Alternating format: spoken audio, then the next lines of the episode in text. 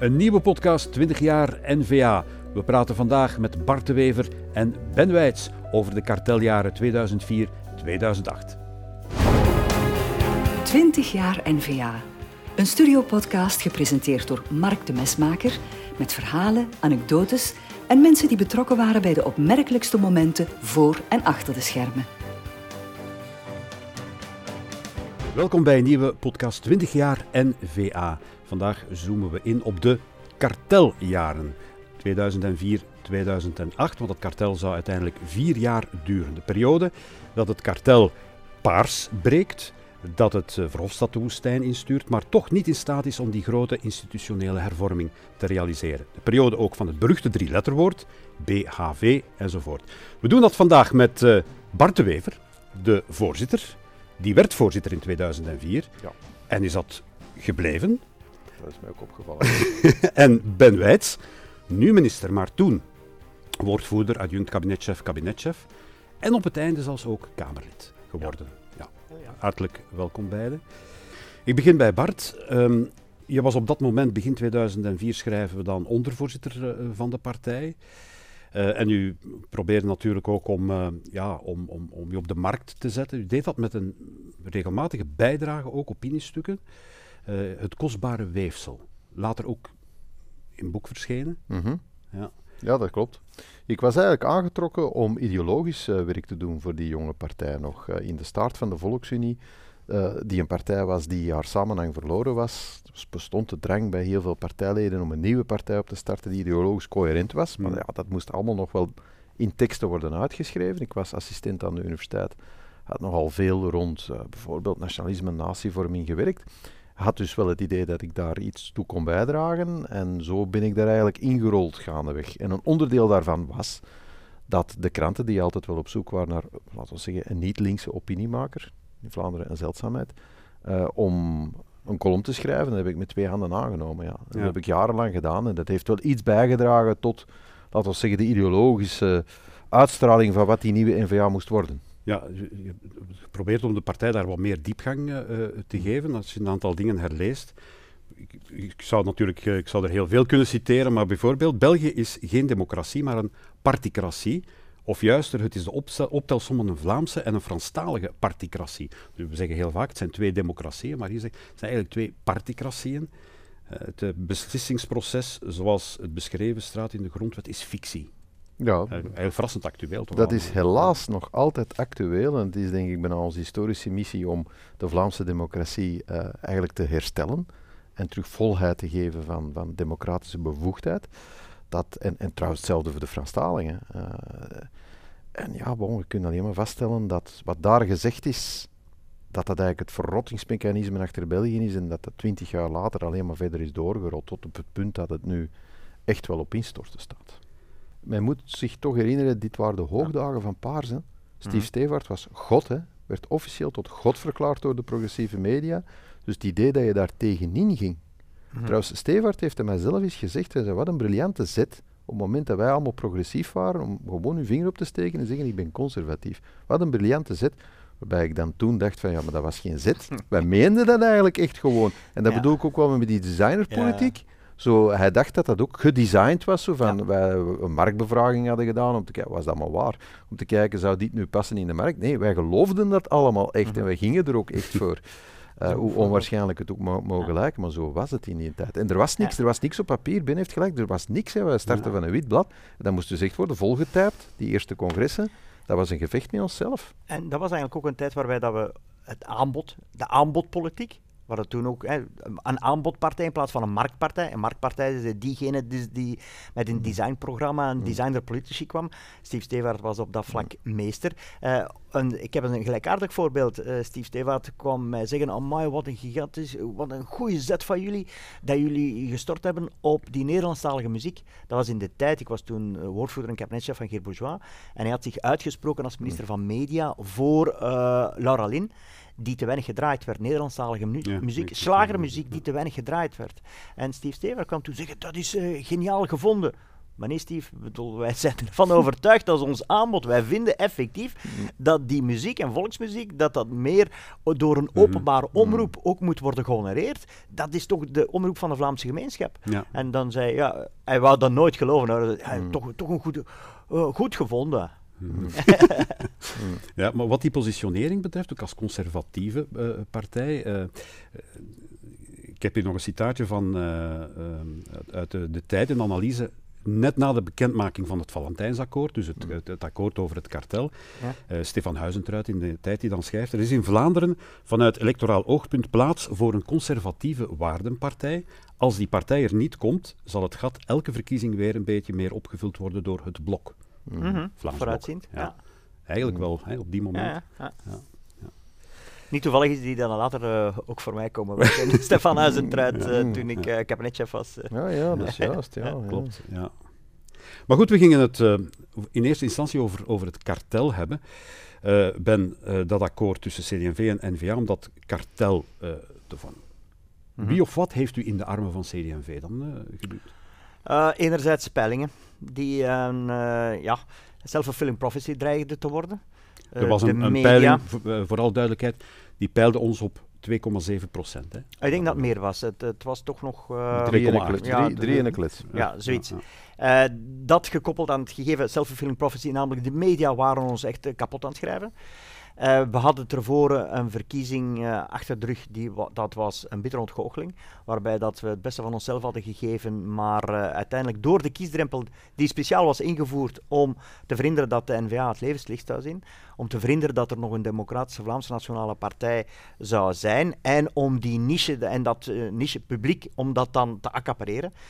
Dat is heel duidelijk de strategie geweest toen van, van Open VLD, toen was het nog gewoon VLD, waren ze nog niet open.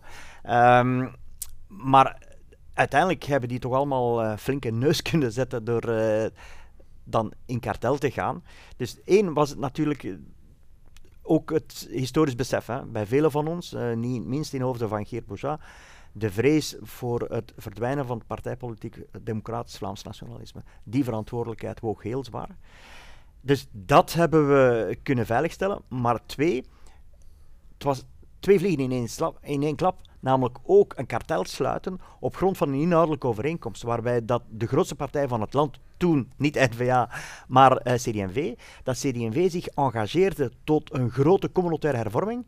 En, belangrijk, dat zij zich ertoe engageerde dat ze die staatshervorming, die toch vrij ingrijpend was, uh, zoals wij het beoogden, dat ze haar regeringsdeelname zowel Vlaams als federaal afhankelijk zou maken van een communautair programma. Mm. En zo was het mm. natuurlijk twee vliegen in één klap, namelijk en uh, onze partij gered voor de toekomst gevrijwaard en een sterk inhoudelijk uh, discours, waarbij dat we eigenlijk als, als kleine muis een olifant richting een communautair programma deden duwen. Mm. Ja. En u geloofde dat allemaal op dat moment? Ja, en was opnieuw, ook... Uh, opnieuw hè, je moet dat in de sfeer zien van die tijd. Hè. Paars was op zijn hoogtepunt. In 2003 hadden ze die kiesdrempel ingevoerd en waren wij daar dus net onder gegaan. Hè. We hadden. Een aantal zetels kunnen halen, want het was een bittere ontgoocheling, we hadden een aantal zetels kunnen halen, maar die kiesdrempel maakte dat alleen Geert verkozen was. Ja. Zoals dat vaak gaat, is het kiessysteem dat drijft tot herverkaveling. Een analyse die ik trouwens vandaag opnieuw maak met het meerderheidssysteem, er moet opnieuw een herverkaveling komen. De balkanisering van die particratie in Vlaanderen en binnenkort ook in Wallonië zo groot. Kijk ook naar Nederland, kijk naar Duitsland. Er moet opnieuw iets gebeuren om slagkracht te krijgen. Ja, was natuurlijk toen alle niet-progressieve, niet-linkse, niet-paarse krachten in Vlaanderen lagen op apengapen. Hè. Dus het idee om samen alsnog te proberen paars te breken, na de ontgoocheling 2003 voor ons, maar ook voor CD&V, ja, die was heel groot. Het idee om van daaruit een communautaire stormram te maken, om die deur open te beuken van paars, dat leek echt wel evident. Alleen denk ik dat CD&V daar echt een ongedekte cheque heeft geschreven. Mm. En dat de weerwraak van de Paarse partijen is geweest van te zorgen dat Leterme die cheque nooit gedekt zou krijgen. 2004, alles goed, grote overwinning, paars gebroken, we gaan in de Vlaamse regering. Alle pijlen op 2007 gericht, de afspraak met de federale kiezer en de grote hervorming. 2007, eclatant succes. Leterme is God in Vlaanderen, Stevaart uh, is weg, Paars is weg, Verhofstadt is dood. Maar men heeft dan, ja, dat is typisch, de particratie, de, de eerste vraag die je stelde, gezegd, we gaan die terug in het moeras trekken. En Leterme kreeg niks gedaan. Ik heb daar op Hertoginedal als onderhandelaar van NVA gezeten. Dat was hallucinant. Hallucinant. Dat was een lawine van afwijzing. Mevrouw Milquet die daar dan zat. Madame Non. Uh, Madame Non.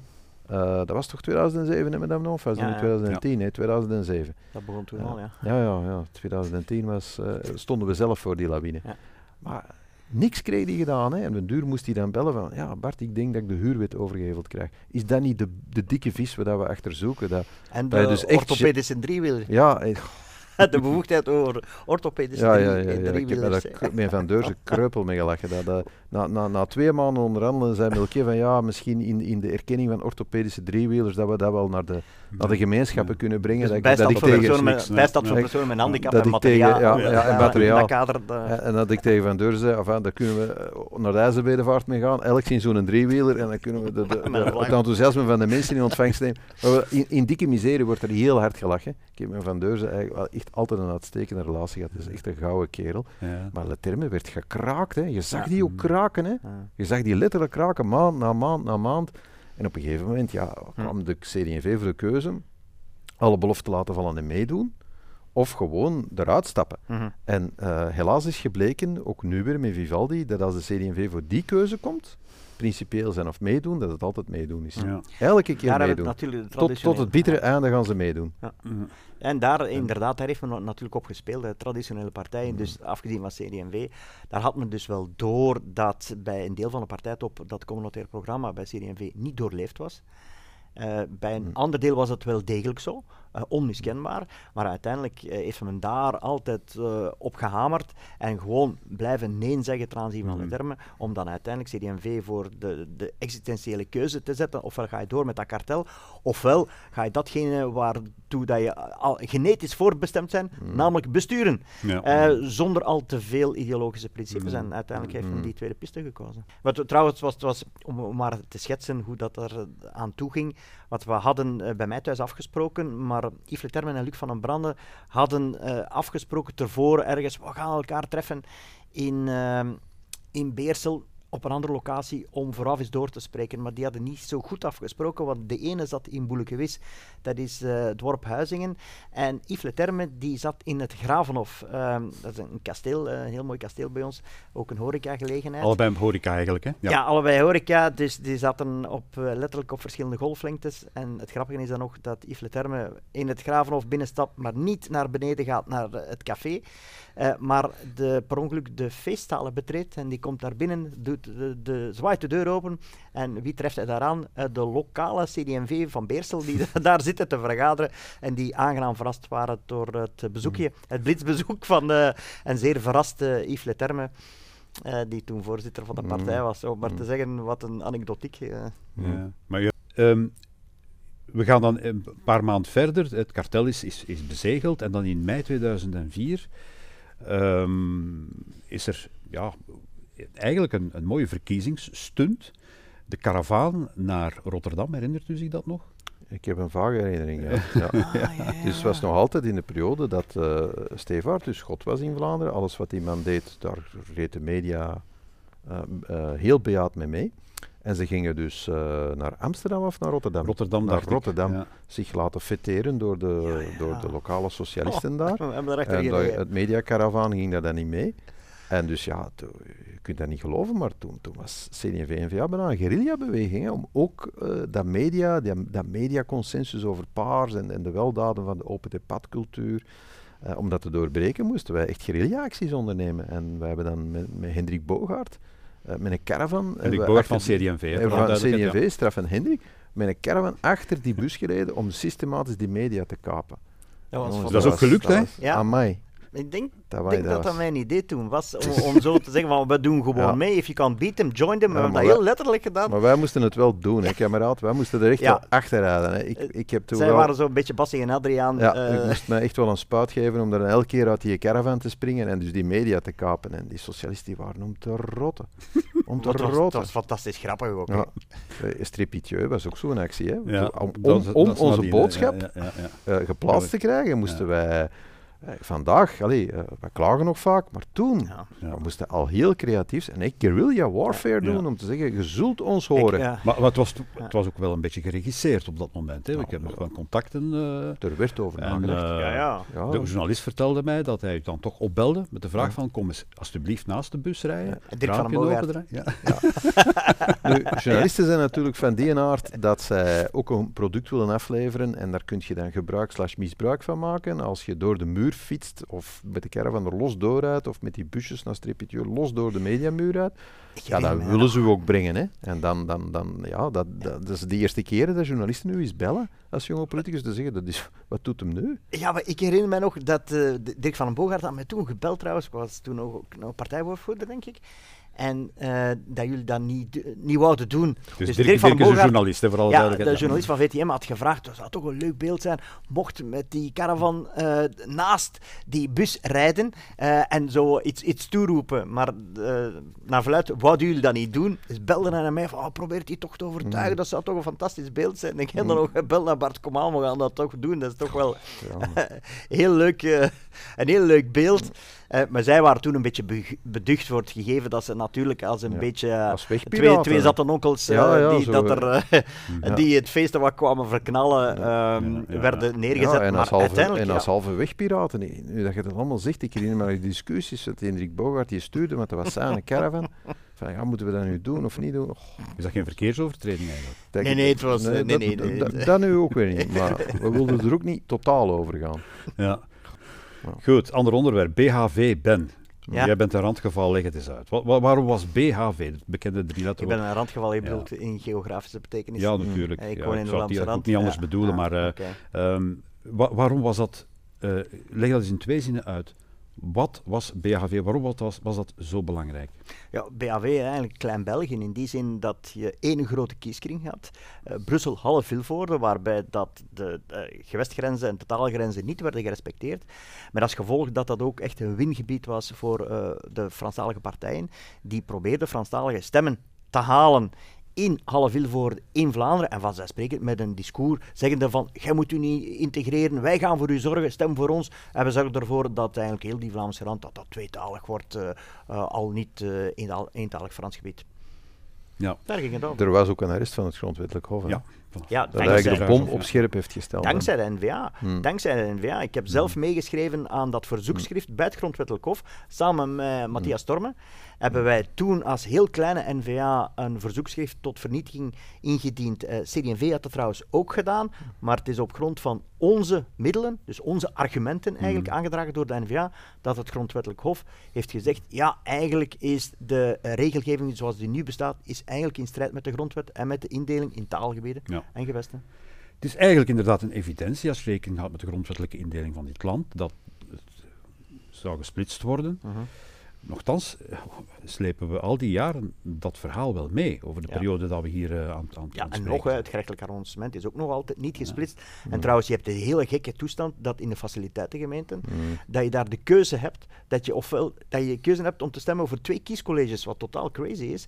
Dus je kan daar stemmen ofwel voor de lijsten eh, van Vlaanderen, ofwel voor de Brusselse lijsten. Wat eigenlijk ook volledig in strijd is met heel de ratio van onze grondwet en de indeling in, in taalgebieden en in gewesten. Dus het zegt eigenlijk alles over wat je in het begin hebt gezegd. Die twee particratieën Mhm. opgeteld. Wat kunnen Ja. die nog beslissen als zelfs een arrest van een grondwettelijk hof, Mhm. wat je normaal gezien uitvoert, punt, jaren van politieke hoogspanning vergt, om dan eigenlijk geen paard, maar een kameel uit de stal te zien komen, wat de splitsing toch geworden is, Ja, dan weet je dat het eigenlijk afgelopen is. hè.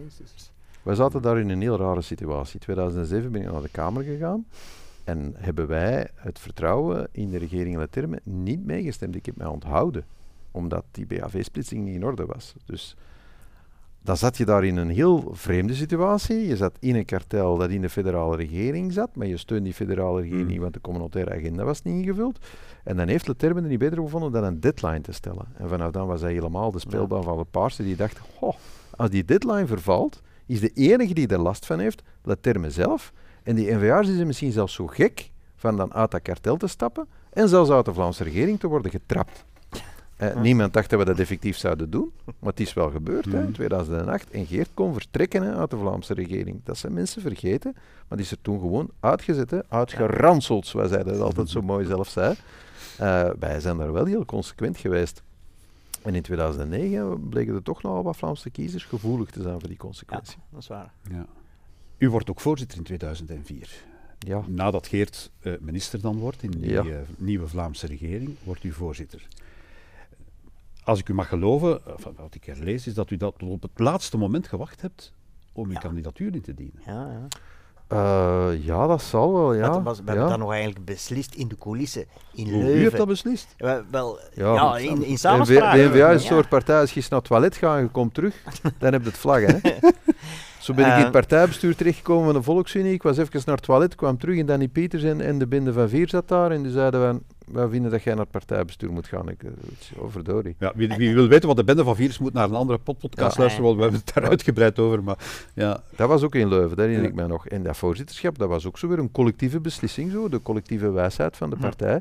Dat was toen ook, die groep was eigenlijk heel de partij op dat moment. Eh, die zeiden, van, ja, bon, jij- dat was zelfs niet vijf man. Hè, paar- Eh, nee, dat was, Jawel, jawel, jawel. Moet niet overdrijven. Eh, dat Maar- was maar- zo. maar een eigenlijk was dat- keukentafel. maar hoe is dat dan gekomen dat u... Maar- ja. maar als ik, volgens mijn herinnering was daar eigenlijk nog niet zwaar over, over doorgepraat. Wij hadden die, heel die zware verkiezingscampagne net achter de rug. Vervolgens zware regeringsonderhandelingen, want wij als kleine partij waren altijd dezelfde schouders op wie het neerkwam, die al het werk moesten doen. Gewoon, we waren er niet meer. Eh, dus gewoon stik kapot. Uiteindelijk eh, moesten we dan snel beslissen dat, dat we Geert zouden voordragen als Vlaams minister. Eh, we waren eigenlijk al bezig met, nog met die onderhandelingen rond die bevoegdheden, herinner ik mij. Want ik had ook- toen ook de, de nacht doorgestoken. eh, omdat we daar nog de laatste losse eindjes moesten eh, finaliseren. Maar dus dat voorzitterschap was eigenlijk nooit echt volledig doorgesproken. Ik maar weet zelfs dat ik keer dat... diende zich dat aan, want de, voorzitter werd minister. Maar Ik heb dat zelfs met Frida nog samen gedaan een tijdje. Ja, wij, dat was... waren, wij waren co-voorzitter. Ja, ja. en dan Ja, ja, ben klopt. ik eh, verkozen door... In oktober door- door 2004. de partijraad? Of, of Maar toen is inderdaad toen? in de coulissen zo'n soort co-voorzitterschap, Ja. maar dat was al wel duidelijk wat de, de finaliteit van die constructie Ja, was. ik weet dat Frida ook persoonlijk niet veel zin had Nee, nee, om dat voorzitterschap. Nee. op te nemen. Nee. En dus dat viel eigenlijk bijna gewoon in mijn schoot. Een, een van de quotes in de vele interviews eh, toen u voorzitter werd is de volgende. Ik wil zeker de inhoudelijke en serene manier van aan politiek doen behouden. Aha. Maar ik denk dat de NVA wat uilenspiegelachtiger wordt. Ja, en dat hebt u inderdaad Ja. begin 2005 dan in de praktijk gebracht door de fameuze stunt met het nepgeld. Hè, Daar naar- spreken ze nu nog van. hè. Daar Ja. spreken ze nu nog van. dat Ja. is ongelooflijk geweest. Ja. Ja. Eens even kort vertellen wat er, wat er toen Ja, Geert is, is, is, is, eh, was, vond ik een magnifieke figuur in de Volksunie om gestalte te geven aan wat die nieuwe partij moest worden. Ook de waardigheid en de voornaamheid van Geert.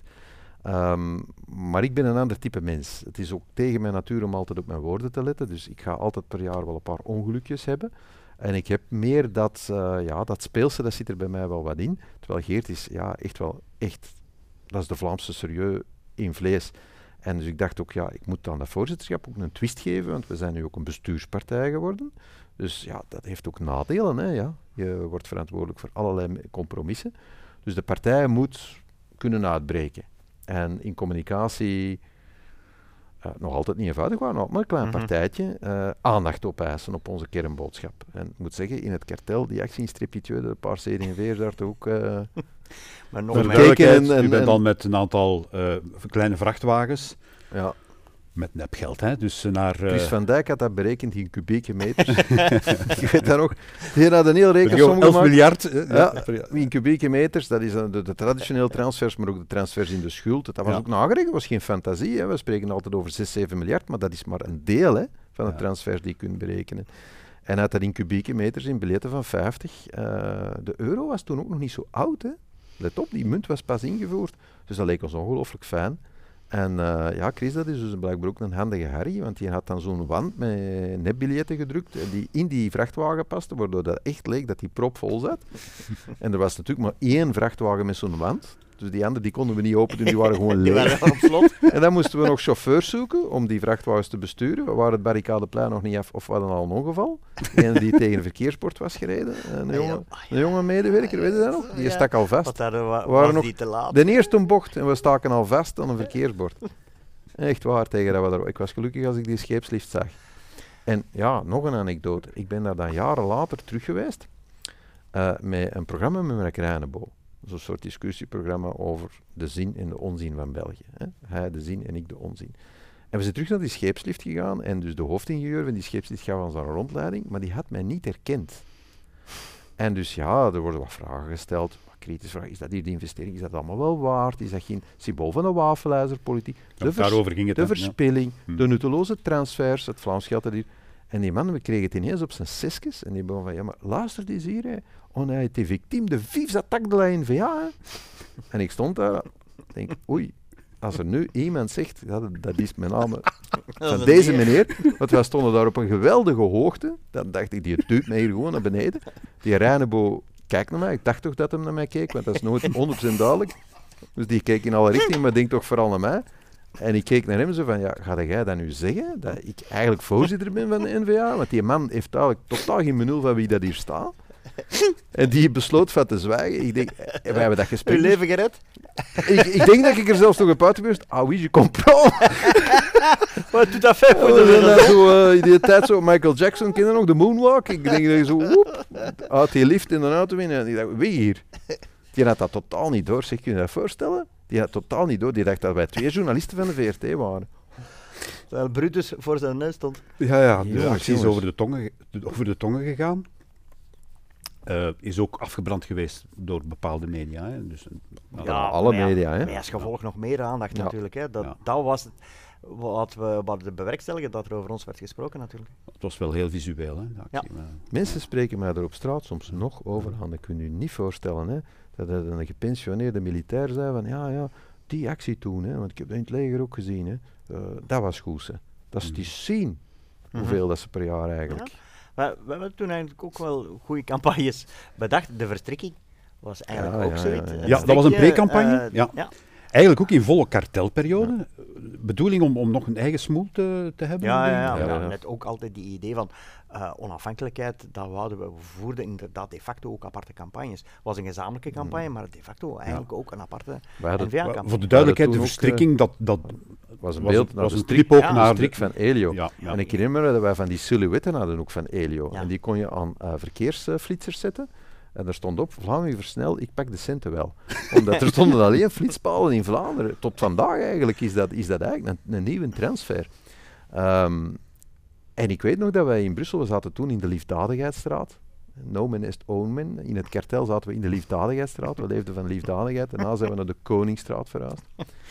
En dat wij dus die silhouetten van die Elio's buiten droegen om in elk arrondissement een actie te doen. Dat was de tijd. We moesten alles zelf doen. Dus ik was ook met zo'n Elio op stap dat er zo'n hoop Franstaligen stilstond, die begonnen te applaudisseren, dat waren Pacers. Die dachten, die dachten dat je voor de Pacers op campagne was met zo'n Elio, wow, vive Elio, oui, vive le Pacers.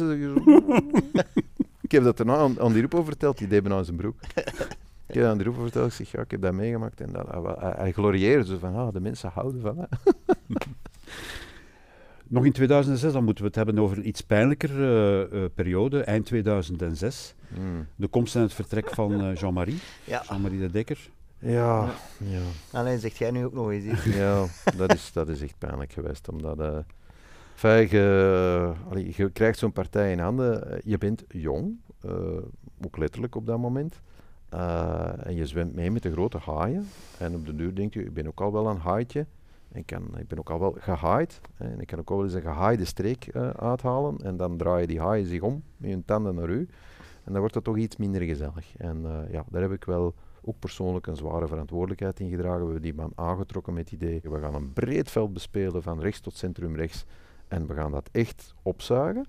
Mijn politieke gut feeling was toen die man staffen opstemmen. Dat is uitgekomen. Hè. Trouwens later uitgekomen. Die staffen opstemmen we moeten die binnentrekken, want die gaat anders zijn weg zoeken naar elders. Dus dat was eigenlijk de redenering. We moeten hem hebben en anders zal het verlies verlies zijn.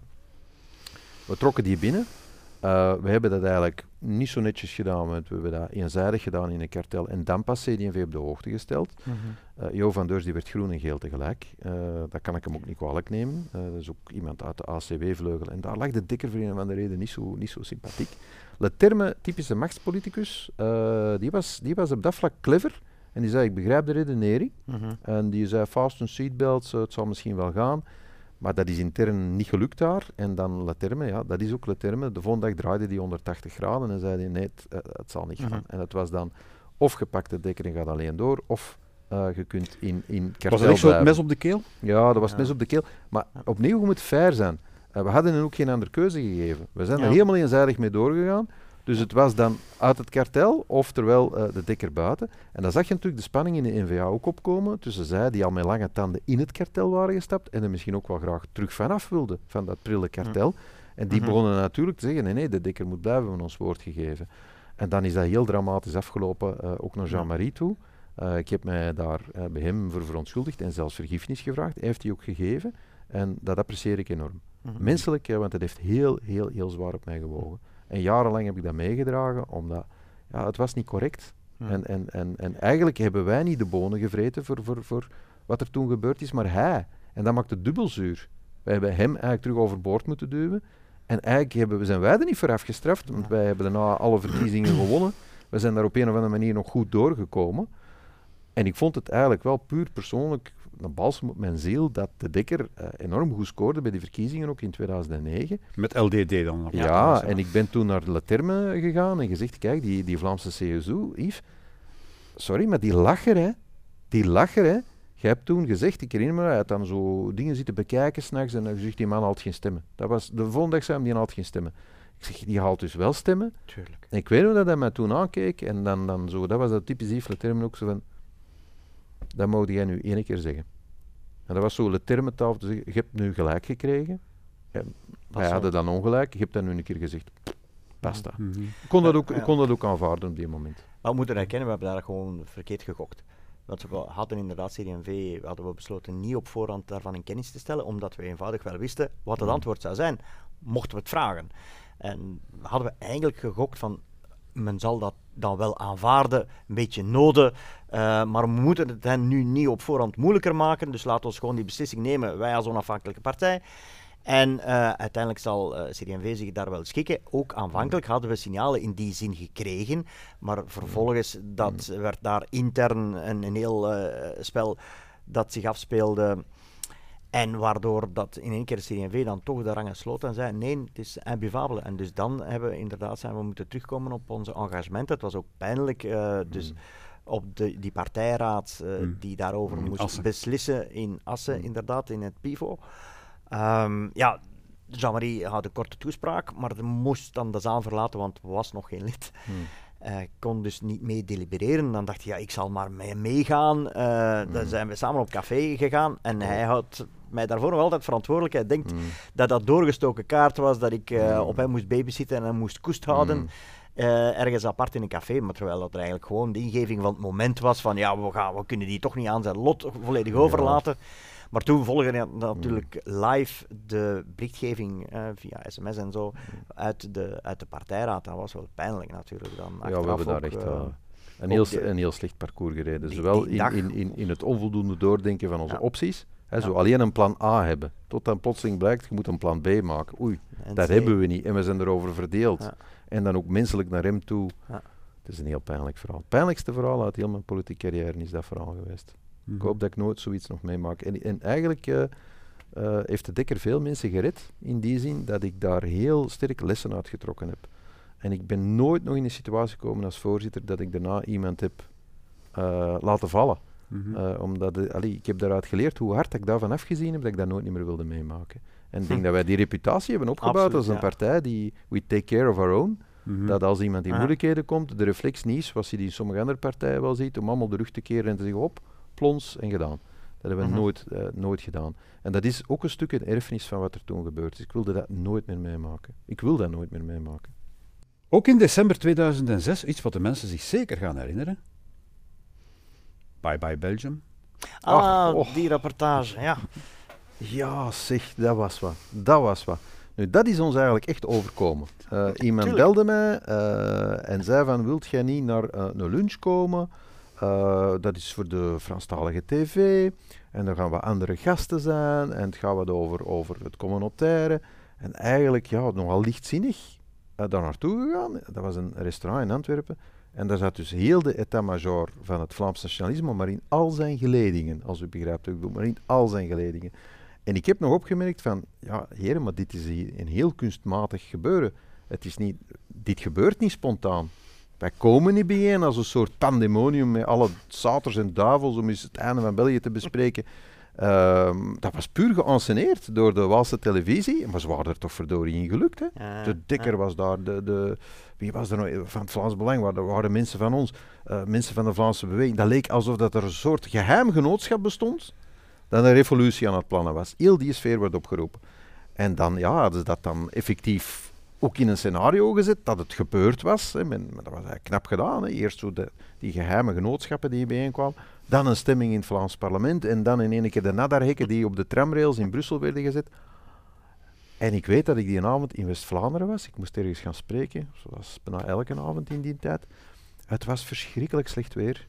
En mijn gsm die begint te bijeren, te bijeren, te bijeren. Van, van, van, ik zeg, maar wat is er aan de hand? Want ik was dat allemaal al lang vergeten. Want tegen, tussen zo'n opname en uitzending, ja, televisie, dat duurt maanden. Was ik dat allemaal al lang vergeten? Dat was mij ook niet 100% duidelijk, want dat, dat is niet gezegd. Wat is hier nu echt het opzet van? Ik weet dat ik dat een heel rare lunch vond en dat ik thuis kwam, wat was dat nu eigenlijk? En dacht, ja, oké. En maanden later in één keer barstte die bom zich. Hm. Dat was wat ze. Ik herinner mij ook, ik weet nog ook perfect eh, wat ik op dat moment aan toe was. Ik was, uh, ik was toen kabinetchef, ik zat s'avonds laat uh, nog op mijn bureau. Ik kreeg ook sms'en van een revolutie in, in Brussel en, en uh, Vlaamse onafhankelijkheid. Ik dacht, verdomme, ze en begonnen zonder mij. maar, ik was in, en, zouden we niet durven ik was in, in Dixmude of all places. Ik kreeg over een baan in Dixmude en het regende dat goed. Dat weet ik ook nog. Nee, ik zat in Brussel. Ja. ja. In ieder geval, allee, het werd wel heel ernstig genomen, want op een bepaald moment moest er een ondertitel in komen van dit is fictie. Ceci est une fiction. Ja. Dat is pure René Magritte. Ja, ja, ja. Wat ook wel bewijst dat uh, als je zegt we leven in gescheiden samenlevingen, is het ultieme bewijs dat Franstaligen blijkbaar geloven dat Vlamingen een revolutie uh, gaan plegen. Ik denk in 1302 hebben we dat misschien een keer gedaan, maar sindsdien toch niet meer zo vaak. Hè. Echt mhm. revolutionair kunnen de Vlaming niet noemen dat er een meerderheid in het Vlaams parlement voor onafhankelijkheid zou stemmen. Misschien is dat binnenkort het geval, maar toen was dat ver van de werkelijkheid, heel ver van de werkelijkheid.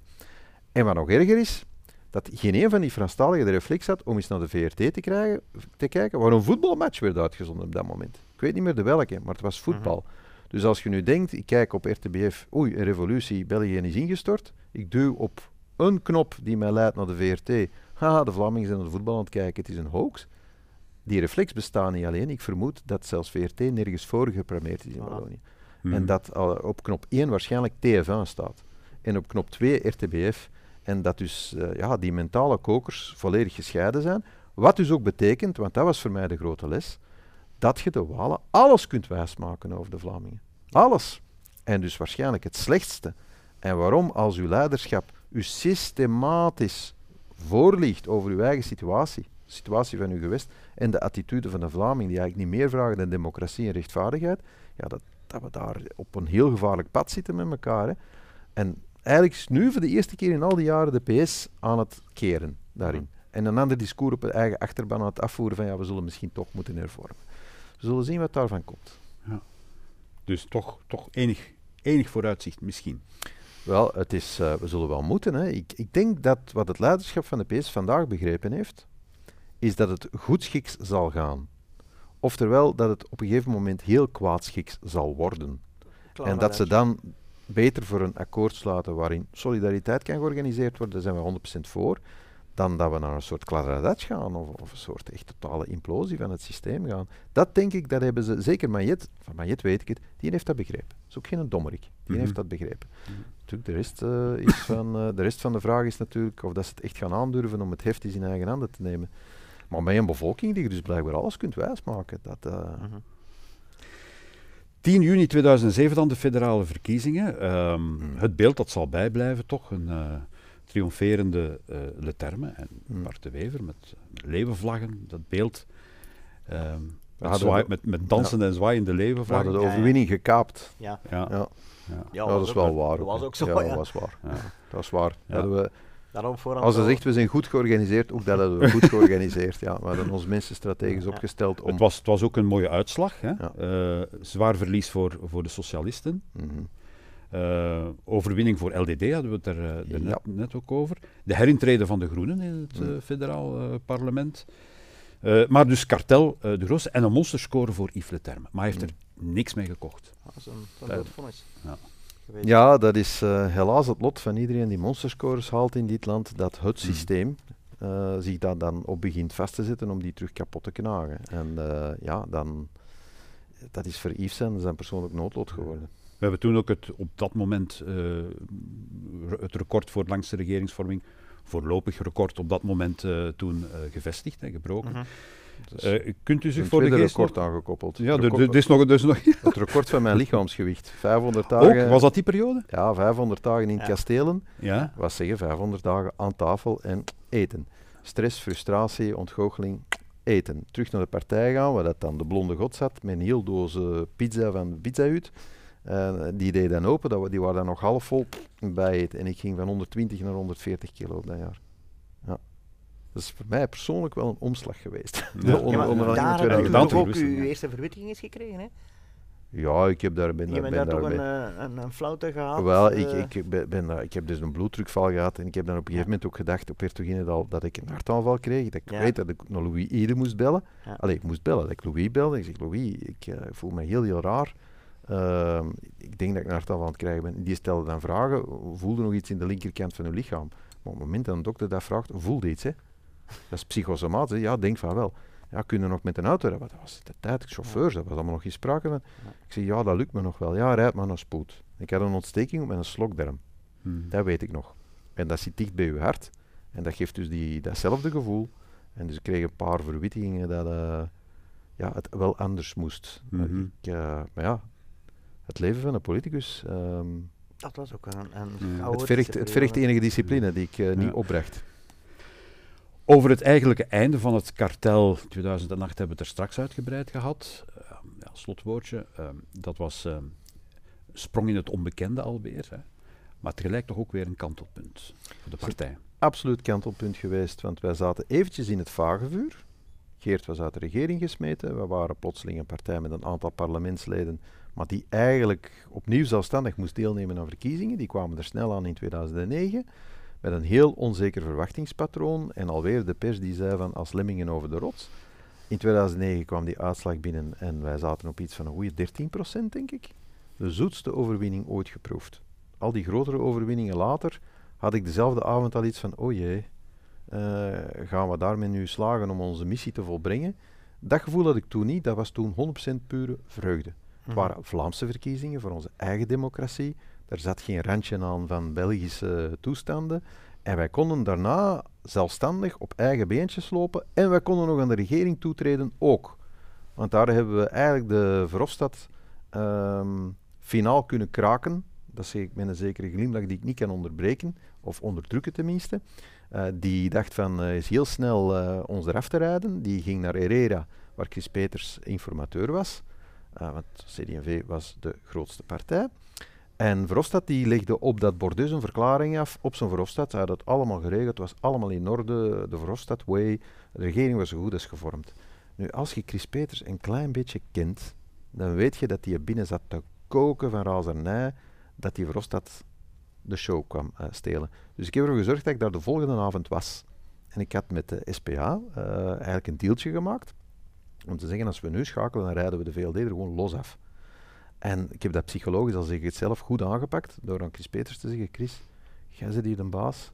Jij regisseert het spel. Ik, ik eh, ben maar een kleine partij. Ik moet u echt niet zeggen hoe dat je het moet doen. Ik ga hier ook geen verklaringen over afleggen.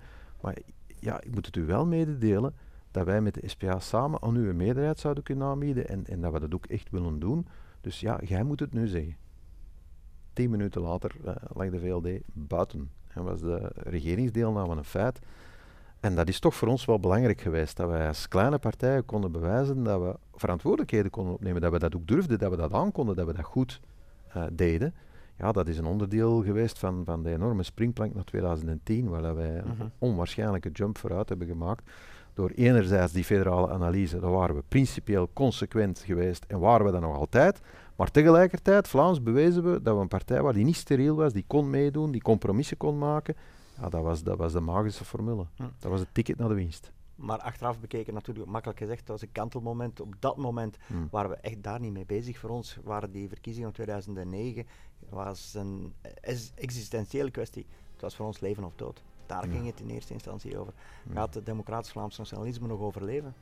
Eh, of eh, mag de laatste het licht uitdoen? Ja, Ja. dat is de weerslag van het kantelmoment. Je zegt een kantelmoment, het kon kantelen daar of Mhm. kantelen aan de andere kant. Maar alleen achteraf bekeken zie je natuurlijk de rechte lijn. Ja. Op dat moment zelf Dat zie je vooral de chaos en de afgrond. En over het vervolg van die, eh, van die periode, van dat kantelmoment, hebben we het in een volgende eh, podcast. Dat is alles waar we nu tijd voor hebben. Mag ik jullie allebei eh, van, eh, van harte bedanken. Eh, u bedankt voor het kijken en voor het, eh, voor het luisteren. De kartelperiode 2004-2008 begonnen met Valentijn, geëindigd in een scheiding, maar ook het bewijs dat we op eigen benen konden staan en een kantelmoment en een eh, startpunt voor een hele nieuw hoofdstuk. Dat hoort en dat ziet u in een volgende podcast. Graag tot dan.